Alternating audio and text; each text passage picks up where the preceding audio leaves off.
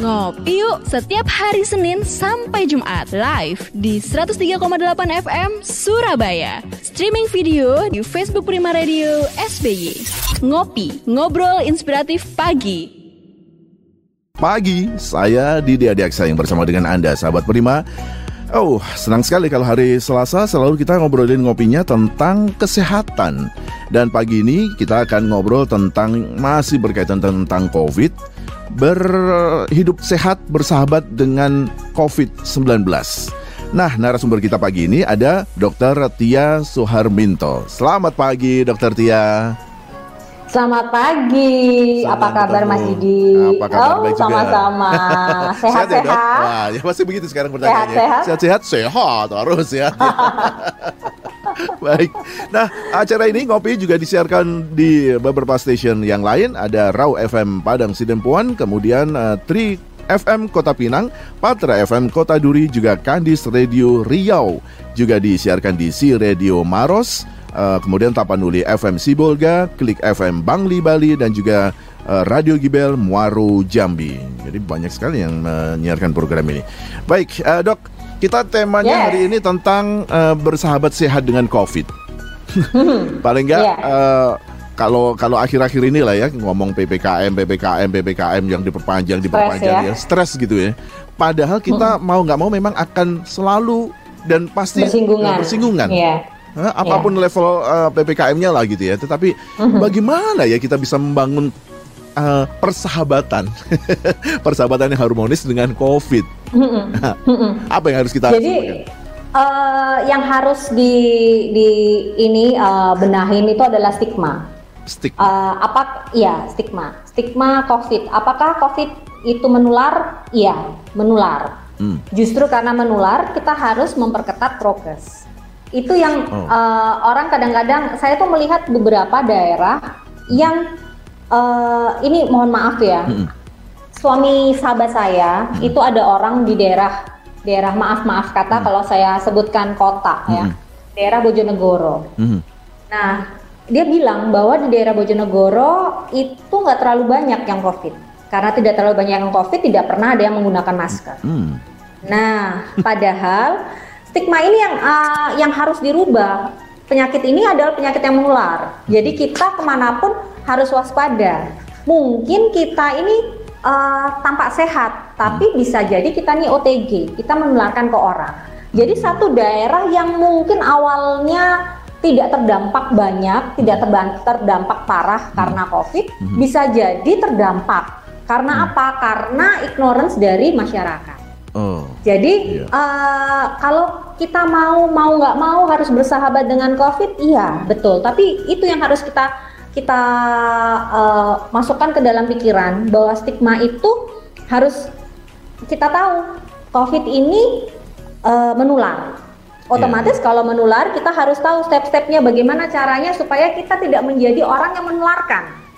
Gitu. Betul, Caranya betul. adalah memakai masker yang benar, masker yang proper. Jangan maskernya di sini. Kadang-kadang tuh saya melihat tuh paling banyak tuh teman-temannya Mas Didi mungkin Iya, yang pria-pria iya, kan. iya, betul, Suka, betul. Aduh dok, ini terlalu pengap, pengap. Pengap, Jadi, hmm. oh, oh, ditaruh kok di sini. Aha, nah, maskernya di sini otomatis kan ini masih Masuk. tempatnya. Ah, ah. Iya, iya, iya, Padahal mayoritas yang bekerja adalah pria. Nah, Hmm. pria ini masuk ke rumah. Di rumah ada istri, ada anak, ada orang tua mungkin, ya kan? Mhm, mhm. Nah, jadi paling nggak kalau, eh, tapi saya tetap harus bekerja. Oke, prokesnya diperketat. Hmm. Cara yang paling gampang adalah menggunakan masker yang proper. Masker yang Gitu. proper itu yang gimana sih dok? Proper yang jadi, uh, wah saya ada, ada Ah. contoh masker tapi saya taruh belakang. Oke oke. Sebentar ya, Oke, sebentar oke. ya, saya saya ini dulu. Sambil nunggu dokter Tia mengambil masker yang uh, proper. Nah, mungkin anda bisa melihat juga sahabat Prima di IG Live atau di FB Live. Harganya nggak terlalu. Kenapa? Eh, ini untuk sahabat Prima yang eh, menonton Ya. ini juga bisa loh ya lihat di FB Live, di IG Live dan juga di YouTube Live-nya Prima Radio. Karena nanti dokter akan menunjukkan eh, masker yang proper itu yang bagaimana. Nah, gimana itu dok? ini kebetulan saya boleh cuma satu, harusnya Oh, ada oke. dua. Oke. Jadi kalau untuk yang awam, Mm-mm.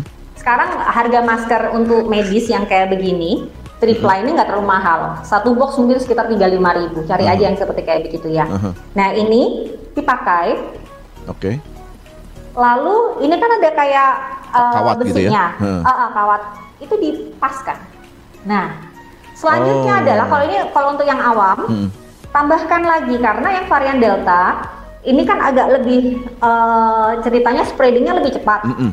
Jadi mesti ada satu lagi Double. masker yang kain yang kita tempel di sini. Oh, Eh, bukan ditempel, maksudnya kita masukkan juga. Oke. Jadi di double. Oh, jadi- Setelah masker medis ini, Aha. lalu masker kain, begitu. Oke, jadi masker medis dulu yang dipasang, Iya. baru kemudian Iya. didobel dengan masker Dengan kain. masker kain, betul. Kalau masker kain itu sama dengan yang scuba boleh nggak dok?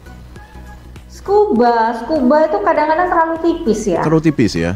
Oke. Ah, ah, terlalu tipis. Jadi Oh. kalau untuk saya mendingan yang masker masker biasa yang kayak batik, tapi Hmm. kan bawa biasanya kalau batik dia yang eh, orang-orang yang sekarang Hmm. itu bikinnya sudah masker batik yang bagus, yang triplay juga. Iya, iya, triplay. Depan, Hmm. eh, eh, terus ada ada lagi ininya, ada lagi jadi eh, lapisan. Jadi lapisannya tiga lapis. Hmm, hmm, hmm. Jadi mendingan yang kayak gitu aja. Oh. Tapi di fullkan ya Mas ya sampai Iya. sini. Eh, jadi itu yang paling gampang untuk orang am- awam. Oke, oke, oke. Jadi ini eh, medis dulu, ini, Heeh. lalu masker kain. Nah, tempel Pasang. masker kainnya mau motif apa aja lucu juga nggak apa-apa, yang Hmm. bag- yang yang biasa juga nggak apa-apa, terserah pokoknya masker kain. Kecuali Jadi yang ditempel. KN95 ya. Kalau KN95 cukup um, um, ma- masker itu saja ya, nggak perlu didobel ya dok? KN yang KN 95 masih tetap harus di Oh. eh, double.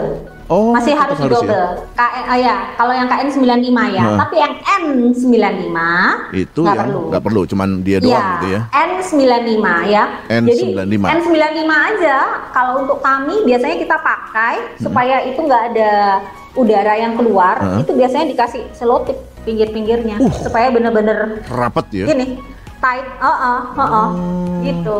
Iya, iya, iya. nah, iya, iya. kalau yang KN95 ini juga sering salah. Hmm. KN95 apakah dipakai cuman single? Enggak. KN95 juga harus di double malahan. Oh. Gitu, Oke, oke, iya. Oke, oke, oke, baik, baik. Nah, saya undang dulu sahabat Purnama yang mungkin ingin berinteraksi Ya. langsung dengan Dokter Tia berkaitan dengan bersahabat sehat dengan COVID. Nah, Anda bisa masuk ke nomor uh, WA Birma Radio di 0811 30 10 38 0811 30 10 38 atau masuk di komennya if uh, Facebook Live atau di IG Live atau juga di YouTube Live-nya Prima Radio. Silakan masuk di situ ya.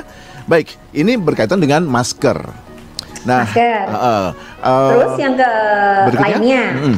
berikutnya adalah kita tahu bahwa eh, virus ini nempel-nempel nih di tangan. Uh-uh. Terutama bahayanya adalah saat kita misalnya habis pegang sesuatu, pegang ini, gitu ya, pegang pegang kursi. Hmm. Kursi. Eh, taunya kursinya udah pernah dipegang sama ini, sama eh, penderita Oke. yang COVID kayak begitu, otomatis kan nempel nih di sini uh-huh, uh-huh. virusnya nempel. Nah, tanpa sadar kita terus makan, masuk ke perut kita. Hmm.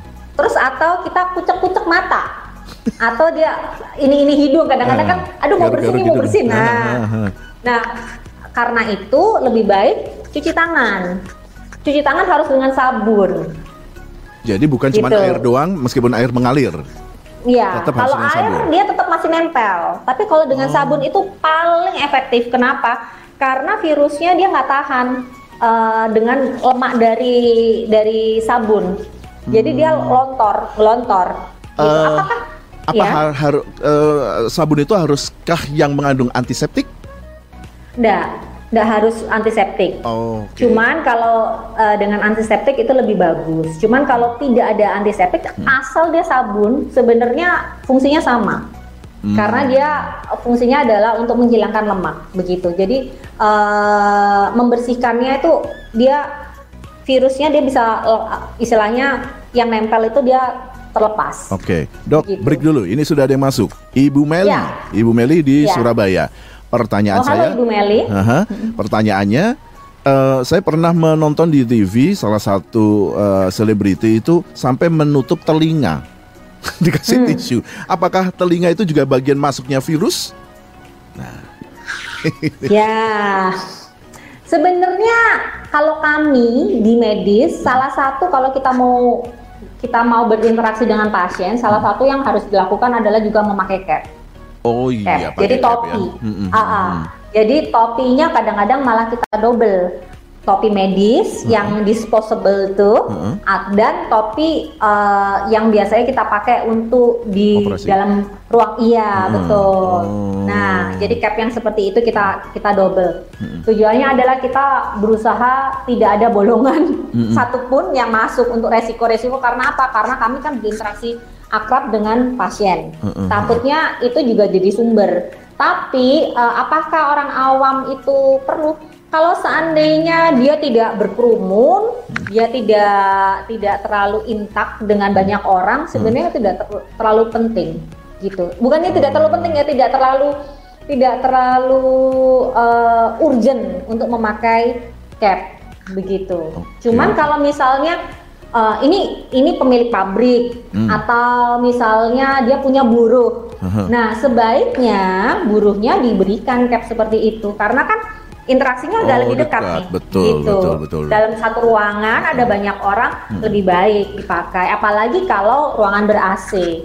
Kita menghindari hal-hal if something that happen begitu karena kita ini iya. sebenarnya to be honest ya, hmm. virus ini ini kan variannya banyak, hmm. sering bermutasi. Jadi kita tuh nggak nggak nggak bisa exactly bilang virus ini jenisnya seperti ini, gitu. Kayak misalnya hmm. kayak uh, zaman dulu itu ada virus cacar uh -uh, gitu kan uh -huh. uh, kita tahu oh virus cacar bentuknya kayak begini ini kayak gini tapi kan virus ini ini kayak kayak nakal gitu loh ya mutasinya gini jadi. jadi uh, hal-hal yang kayak begitu yang kita mesti waspadai jangan bikin celah cuman kalau uh, saya pribadi kalau saya misalnya uh, hanya kita ini kan sudah tahu bahwa yang harus dilakukan adalah uh, social distancing. Mm -hmm. Jadi kita tahu kalau ngomong juga nggak boleh terlalu dekat, ya mhm. kan? Mm -hmm. Paling nggak satu meter sampai dua meter. Mm -hmm. Eh gimana? Jadi ngomongnya agak keras-keras gitu. itu mungkin nggak terlalu pakai pakai cap. cap itu juga nggak apa-apa. Oh, Cuma kalau yang termasuk hmm. mungkin uh, rambut, maaf, uh, biasanya kalau yang cewek-cewek gitu Oh, oh iya. sampai rumah rajin-rajin untuk berkeramas karena keramas, siapa tahu. Betul, oh, begitu ya? betul. ya. Betul. Jadi karena apa virusnya bisa nempel. Betul. Oh.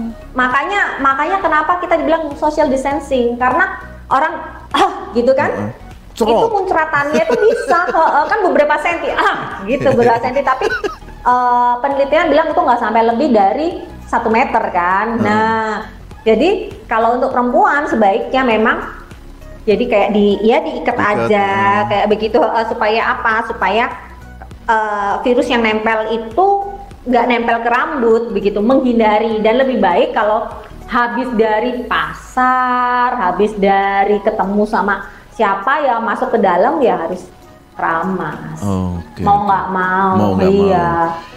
Iya, hmm. tapi kalau misalnya, aduh dok saya repot banget, nggak apa-apa. Makanya orang kadang-kadang pakai topi kan, ya itu pakai oh. cap itu iya, salah iya, satunya. Iya, Cuman kadang-kadang kan ke orang pakai cap eh gila lu ya ngapain kok terlalu parno banget ya gitu. betul betul nah ini, ini ini ada pertanyaan dari Ibu Kurnia yang ada di Medan mungkin seiring yeah. atau seperti yang dinyatakan Halo, dari dokter nih uh -huh.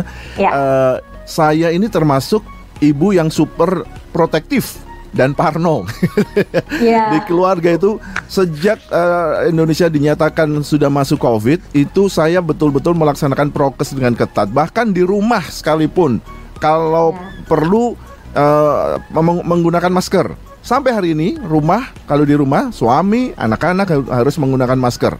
Nah, uh, apakah harus begitu dok? Karena saya diprotes nih sama suami. Tapi itu sebenarnya best loh.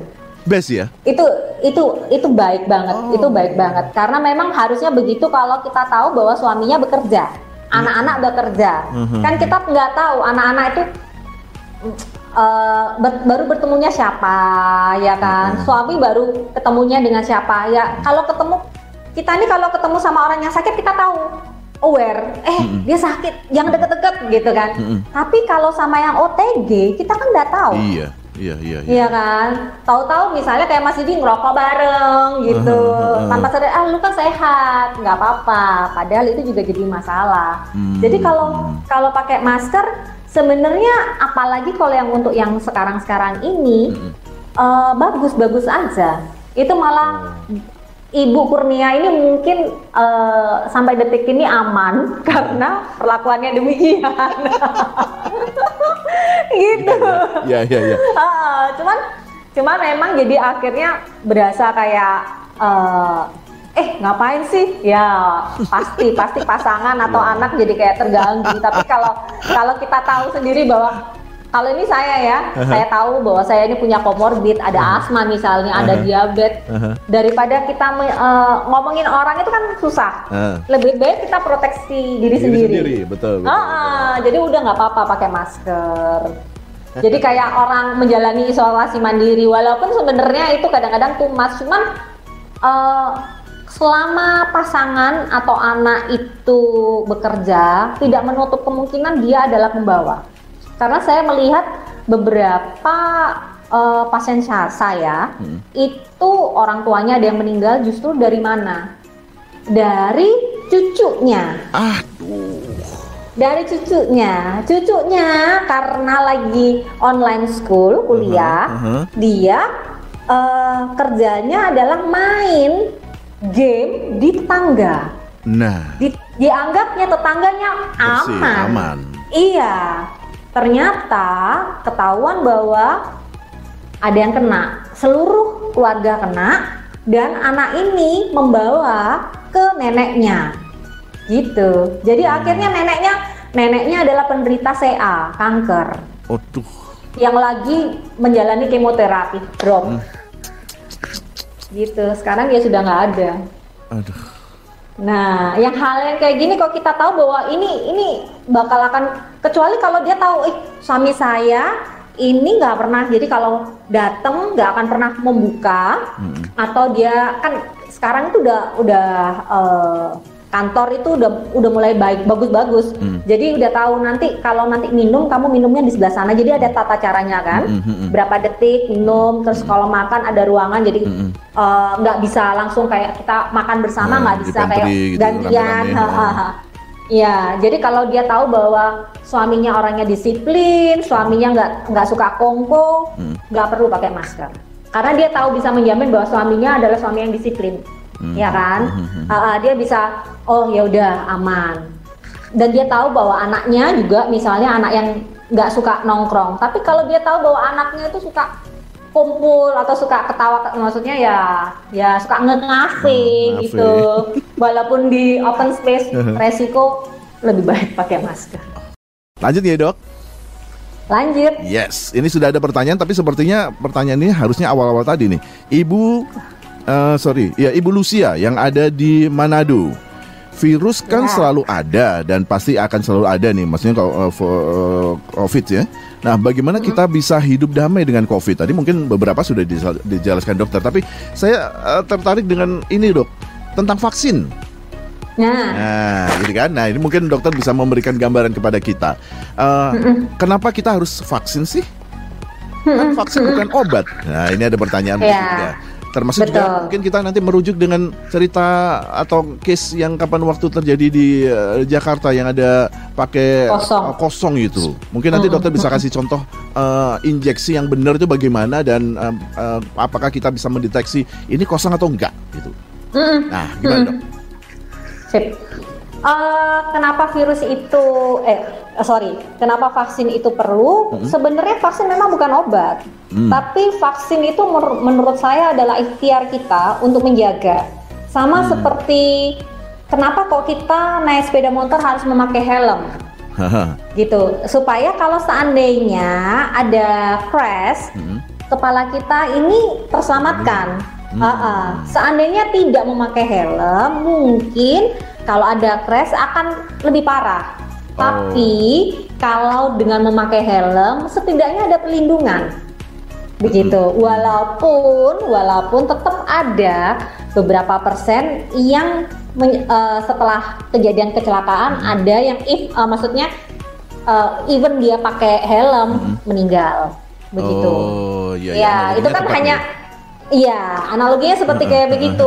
Jadi harapannya adalah itu ikhtiar kita untuk memproteksi tubuh kita dari virus. Mm-hmm. Tapi yang kita mesti ingat adalah virus ini menjadi herd immunity, hmm. uh, maksudnya lingkungan kita menjadi herd immunity hmm. kalau dalam satu komunitas sudah lebih dari 60% yang menerima vaksin. Oh, gitu. jadi kata-kata nah, herd immunity itu tercapai kalau 60% ya, dari orang ya. sekitar kita itu sudah vaksin. Iya. Iya. Hmm. Kalau seandainya misalnya uh, Mas Didi nih, hmm saya udah vaksin nih, hmm. tapi cuma Mas Didi doang. Sedang 10 orang di sekitarnya Mas Didi hmm. masih belum vaksin, Mas Didi beresiko terkena kembali. Oh iya. Ya. Iya, iya. Itu kebalikannya kalau seandainya 10 orang di sekitar Mas Didi hmm. udah vaksin, hanya Mas Didi yang belum vaksin. Hmm. Mas Didi aman. Karena, Karena apa? orang sekitarnya sudah banyak iya. yang divaksin. Oh iya. Iya, iya, iya. jadi terlindungi. Hmm. Jadi uh, jangan salah. Kenapa? Ini nih ada beberapa yang bilang cacar dulu uh, sekarang sudah nggak nggak nggak booming lagi. Mm-hmm. Loh jangan salah karena apa dulu waktu anak-anak masih kecil ini masih balita kita sudah suntik vaksin cacar mm. sehingga cacar sudah bukan lagi menjadi pandemik. Mm-hmm. Tapi kalau seandainya anak-anak ini udah mulai misalnya ada ada satu komunitas yang bilang nggak usah vaksin, anak-anak nggak usah divaksin, mm-hmm. otomatis ini bisa menjadi outbreak lagi. Oh, oh, betul. Begitu. Betul. Karena apa? Karena sudah nggak ada uh, istilahnya shieldnya nggak ada lagi. Mm-hmm. Tapi memang uh, vaksin ini adalah kayak perlindungan bukan obat sehingga mm-hmm. kita nggak boleh takabur Begitu. Iya. Jadi nah, saya langsung ingat yang kapan waktu itu loh, dok. Yang pertama kali ada ya. vaksin, terus ada uh -huh. kasus yang orang apotek uh, di Jakarta itu, uh -huh. wah dia belum sebenarnya itu jatahnya tim medis gitu ya, uh -huh. tapi dia sudah uh -huh. dapat duluan, wah kemudian ada kata-kata wah enak nih kita bisa jalan-jalan lagi, bisa naik pesawat lagi, nah, nah itu, itu salah itu besar dia ya. salah, salah besar karena apa? Gini, karena mayoritas dari kita ini belum divaksin. jadi even kalau kita udah divaksin, kita ini jadi kayak istilahnya kayak superhero tapi berada di ribuan piala ini superhero sendirian doang. Tapi musuhnya iya. miliaran gitu kan. Gawat. Yeah, yeah, itu namanya yeah. tak kabur. Makanya banyak akhirnya orang yang udah vaksin gila percuma udah vaksin. buktinya bok bokap gue udah vaksin mati gitu. Nah karena apa? Begitu dia vaksin kadang-kadang saya saya melihat sendiri ya beberapa orang yang udah vaksin justru dia nggak mau pakai masker. Nah nah nah itu itu. Betul betul nah, betul.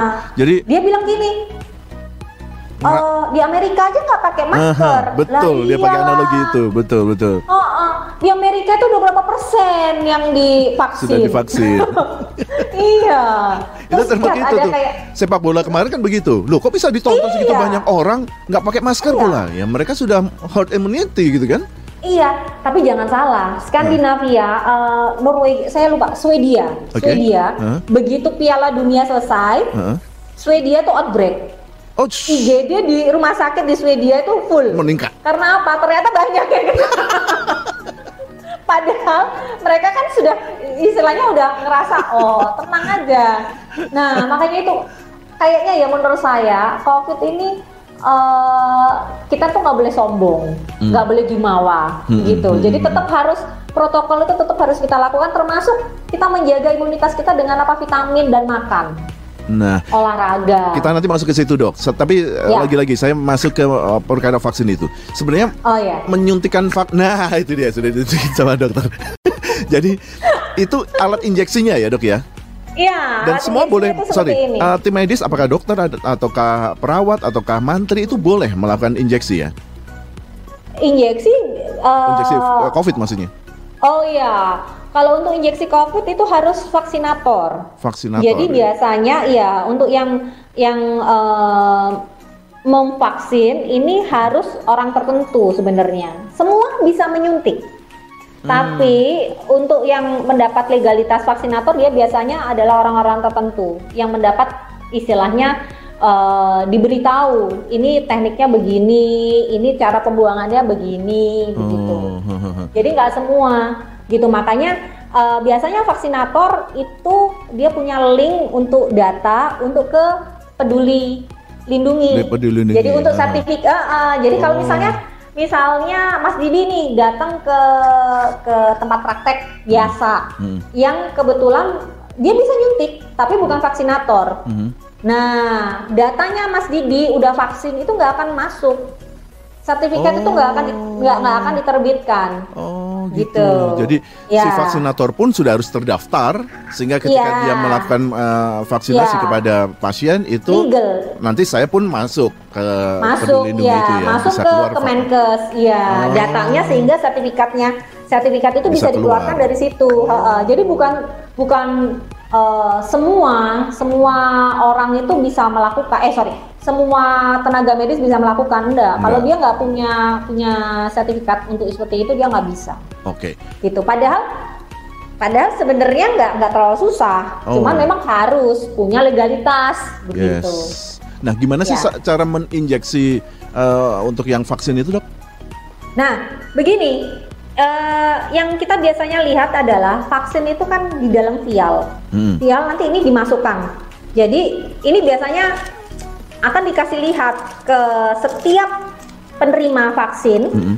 yang kita bilang pasien begitu. Ini masih segelan, Oh. nanti dibuka. Ah, dibuka biasanya di depannya pasien. Artinya apa? Kita harus memakai spet yang benar-benar baru. Begitu, bukan yang bekasnya orang. Nah, Resiko itu seperti kan. nah, itu seperti kejadian di itu tuh di Medan itu kan? Eh, Nah, iya. itu harusnya di, yang swab ditunjukkan itu kan. yang swab oh, betul. Iya, harusnya ditunjukkan ini hasil kayak begitu ditunjukkan, thread begitu. Hmm, Oke. Nah, setelah Setelah ditunjukkan dibuka, ini nah. nanti akan dimasukkan masukkan ke botol vialnya diambil supaya kita kelihatan ada cairannya. Ini kan masih dilihat nih. Oh, iya, ini iya, iya. kosong. Kosong. Nah, kosong. Tapi kalau ada cairannya kan nanti masih bisa kelihatan itu cairannya. Aha. Bahwa itu benar-benar diisi. Oh. Nanti di depannya orangnya ini seret begitu. Nah, setelahnya langsung ditusuk. Tusuk. Tusuknya di mana? Di daerah muscle. Daerah muscle yang paling gede biasanya di daerah ini namanya deltoid. Oke, gitu. Tinggal kita raba aja daerah pokoknya yang daerah muscle terus disuntikkan begini. 90 90 derajat, derajat. uh, uh, ataupun 60 derajat. Set gitu. Selanjutnya ini langsung dibuang ke limbah medis. One use ya sekali pakai. One use, heeh. Spatnya one use, Mm-mm. needle-nya pun one use. Oh. Nggak boleh dipakai berulang kali. Meskipun di misalnya dimasukin ke air panas Steril. gitu.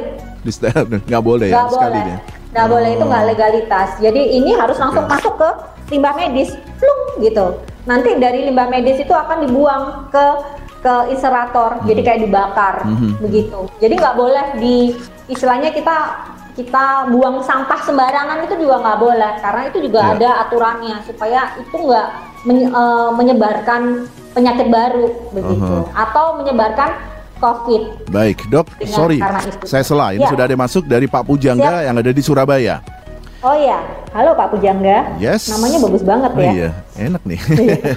Pasti orangnya Jadi romantis kayak ya, berasa pengen berpuisi kita. Daripada mikirin eh, ngetak-ngatik mobil ya. Oh, sorry, sorry. Eh, maaf, maaf, maaf, maaf. Cerita yang lain, cerita yang lain. Baik, Pak Bujangga. Sejak Ya. eh, Maret 2000, dua- 2020, kantor saya sudah menerapkan WFH. Apakah Oh. ini eh, berlebihan ya, Dok? Karena untuk datang ke kantor saja, itu misalnya dia kasih contoh, untuk datang ke kantor saja itu harus izin atasan. Kemudian datang ke kantor harus nunjukin kalau dia sudah eh, PCR. Hmm. Kemudian di kalau datang ke kantor itu lamanya maksimal 30 menit dan beberapa contoh Oh. eh, yang lain begitu. Nah, itu tadi pertanyaan dari Pak Pujangga, apakah Hmm. eh, ini berlebihan, Dok? Kantornya apa dulu? Oh iya ya, tadi Kantornya apa dulu? itu ya. Iya, Oh, kalau sampai oke, dia melakukan kayak begitu, pasti ada sesuatu hal yang yang di, di bener-bener dijaga sama Hmm. sama kantor sehingga polusinya demikian karena mayoritas kantor nggak kayak begitu. WF, maksudnya gini WFH kan eh, ya kita lihat kok tonton tertentu kalau misalnya lagi peak biasanya Hmm. bornya lagi tinggi, Hmm. kita eh, pemerintah biasanya menginfokan kepada pemilik Perusahaan. company ini uh, perusahaan bahwa ini lagi peaknya lagi tinggi nih Hmm. sehingga kalau bisa untuk menghindari peak yang tinggi ini di WFH kan dulu di uh, dirumahkan dulu Hmm. tapi bekerja dari maksudnya bekerja dari rumah gitu Hmm, ya bekerja di rumah, WFH. Nah, nanti kalau udah selesai kan kira-kira biasanya pik agak turun lagi setelah dua minggu. Mm-mm. Nah, silahkan dia melakukan aktivitas tapi dengan protokol yang seperti itu. Mm. Tapi kalau masalah PCR itu juga menurut saya juga jadi kayak kayak berlebihan sekali, begitu. Iya. Iya kan? Soalnya pertama PCR itu nggak murah. Yes. Walaupun ini barusan Ya, harus Pak turun, Jokowi ya. ah, harus turunin. Kenapa nggak dari dulu? Balikin modal. Iya, oh iya ya benar. jadi eh, kalau untuk saya jadi kayak berlebihan gitu harus PCR Hmm. kecuali kecuali kalau misalnya orang itu habis sakit habis terpapar Oh, kita kan iya. maunya secure Iya, kalau kita mau secure tunjuk ini adalah dengan bukti PCR negatif tapi Hmm. ada beberapa pasien yang setelah dia sembuh PCR-nya masih positif. Begitu. Hmm. hmm, hmm, hmm. ya sampai kira-kira sebulan dua bulan. Kenapa? Kadang-kadang itu itu genetikanya orang sendiri ya DNA-nya dia sendiri. Kadang-kadang dicolokin sendiri aja masih eh, di misalnya di saya bilang ya lab P lab eh, apa P satunya, yang satunya kuning, yang satunya merah, oh, kok masih positif? Gini loh, kenapa?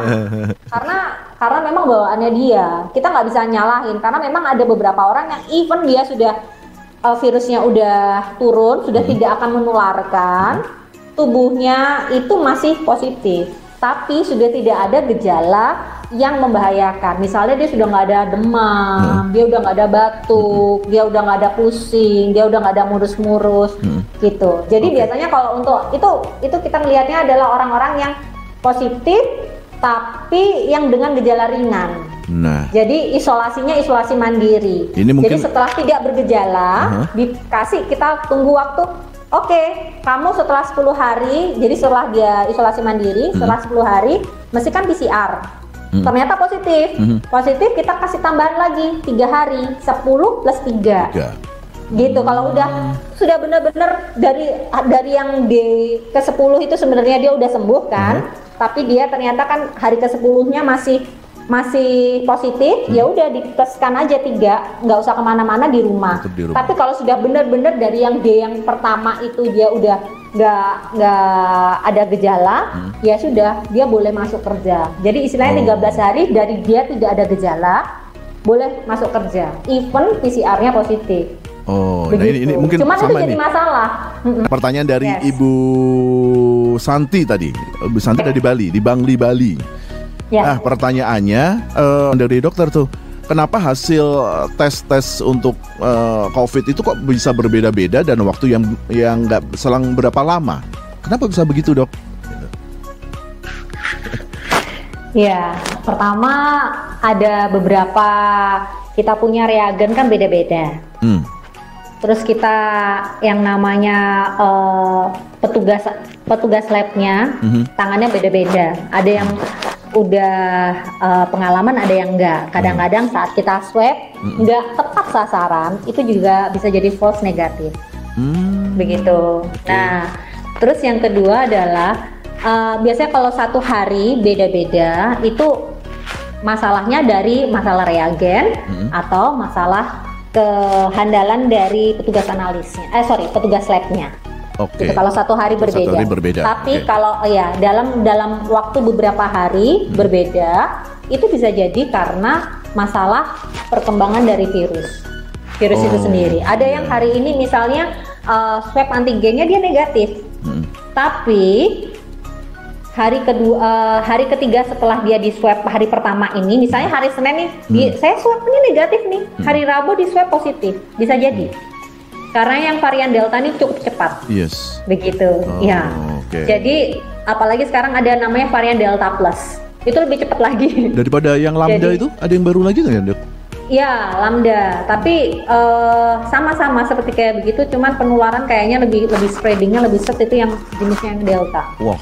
Begitu iya macam-macam iya jadi itu bisa jadi akhirnya berubah hanya dari makanya kenapa eh, saat kita mau dinas luar otomatis eh, dia minta adalah dua kali 24 jam Mm-mm. nah itu karena ada Oh, ada iya, case iya, iya, iya. seperti itu jadi mungkin masuk misalnya ini ngomongin Bali Mm-mm. masuk ke Bali dia negatif Mm-mm. tapi saat dia meeting, dia ketemu orang, dia pulang, bisa jadi dia membawa. Hmm. Begitu. Ya, namanya orang kan kita nggak ngerti kelihatannya OTG. Maksudnya hmm. kelihatannya baik-baik aja, ternyata hmm. dia OTG. Nah, begitu. itu dia, betul, betul. Nah, jadi untuk menghindari hal itu kadang-kadang kita carinya adalah dua kali dua empat jam, karena itu bisa terjadi. Saya ada beberapa case yang seperti kayak begitu. Hmm. Jadi yang swabnya hari pertama bagus kok, hari uh, dua hari laginya kok udah positif. Ini uh. pasti permainan. Bisa jadi macam-macam karena kayak gini kan variannya banyak. Ya kan reagennya beda, uh. orangnya yang begini tipis atau enggak. Uh, uh. Terus yang, yang ketiga nyogrok-nyogrok itu ya dok ya? Oh, uh, nyogrok-nyogrok. Terus yang ketiga karena apa? Karena virusnya memang sudah masuk saat itu. Mungkin yang pertama oh, dia belum. Iya, iya. Begitu. Iya. Ternyata udah masuk, udah masuk, udah mulai keluar simptomnya. Biasanya hmm. kalau udah dia positif, mesti dilihat uh, hari berikutnya mulai agak panas atau mulai gitu. Oh. Tenggorokannya mulai bengkak gitu. Oke, oke, oke. Baik, baik, Dok. Ya, jadi banyak hal. Wah, sayang sekali obrolan kita harus berhenti sampai di sini. ya. sekali. Tapi mungkin ada di antara sahabat Prima yang ingin bertanya atau konsultasi ya. atau apa pun berinteraksi dengan dokter. Mau silakan dok? Perlu uh, nomor telepon atau tempat praktiknya dokter Tia? Oh ya, kalau misalnya mau uh, chat-chat aja hmm. bisa. Uh, konsultasi bisa di DM, hmm. nanti DM di Instagram saya, uh, dokter underscore Tia Suharminto. Okay. Dr underscore Tia Suharminto. Ada di uh, tag uh, nya Prima Radio, Radio. kemarin. Hmm, Oke. Okay, ya, uh, okay. kalau untuk praktek, praktek di rumah saya ada praktek di Citraland. Jadi mungkin biasanya uh, eh, DM dulu, dulu ya. janjian, iya hmm. appointment dulu. Takutnya soalnya zaman kayak begini saya biasanya uh, satu pasien, hmm. setelah pasien keluar saya steril ruangan, saya masukkan pasien berikutnya, saya steril begitu. Oh, Termasuk, okay. iya, jadi ada gown, iya saya siapkan kalau saat dia masuk dari shoe cover, uh, hair cover, eh, head cover, hmm. terus masuk gownnya. Waduh, waduh, waduh. Oh, iya, iya, iya. Wah, wah, prokes bener nih. iya. Soalnya saya pikir kalau misalnya sakit malah lebih bahaya, jadi lebih iya, baik iya. prokes lah dikit. Iya, iya. baik, baik. Dok, terima kasih banyak atas waktunya hari ini. Sama-sama Mas Didi. Sukses selalu, sehat selalu deh dok. Iya. Baik, terima kasih. Thank you, thank you. Ya. Sehat-sehat. Baik, sahabat Prima, berakhir sudah untuk acara Ngopi Ngobrol Inspiratif Pagi hari ini bersama Dr. Tia Suharminto untuk tema kita bersahabat sehat dengan COVID-19. Untuk Anda yang ingin menyimak lagi, Anda bisa tengok di Facebook Live atau di IG Live atau di um, YouTube Live-nya Prima Radio untuk Ngopi hari ini. Saya Didi Adiaksa pamit. Terima kasih atas semuanya. Assalamualaikum warahmatullahi wabarakatuh. Ngopi yuk setiap hari Senin sampai Jumat live di 103,8 FM Surabaya. Streaming video di Facebook Prima Radio SBY. Ngopi, ngobrol inspiratif pagi.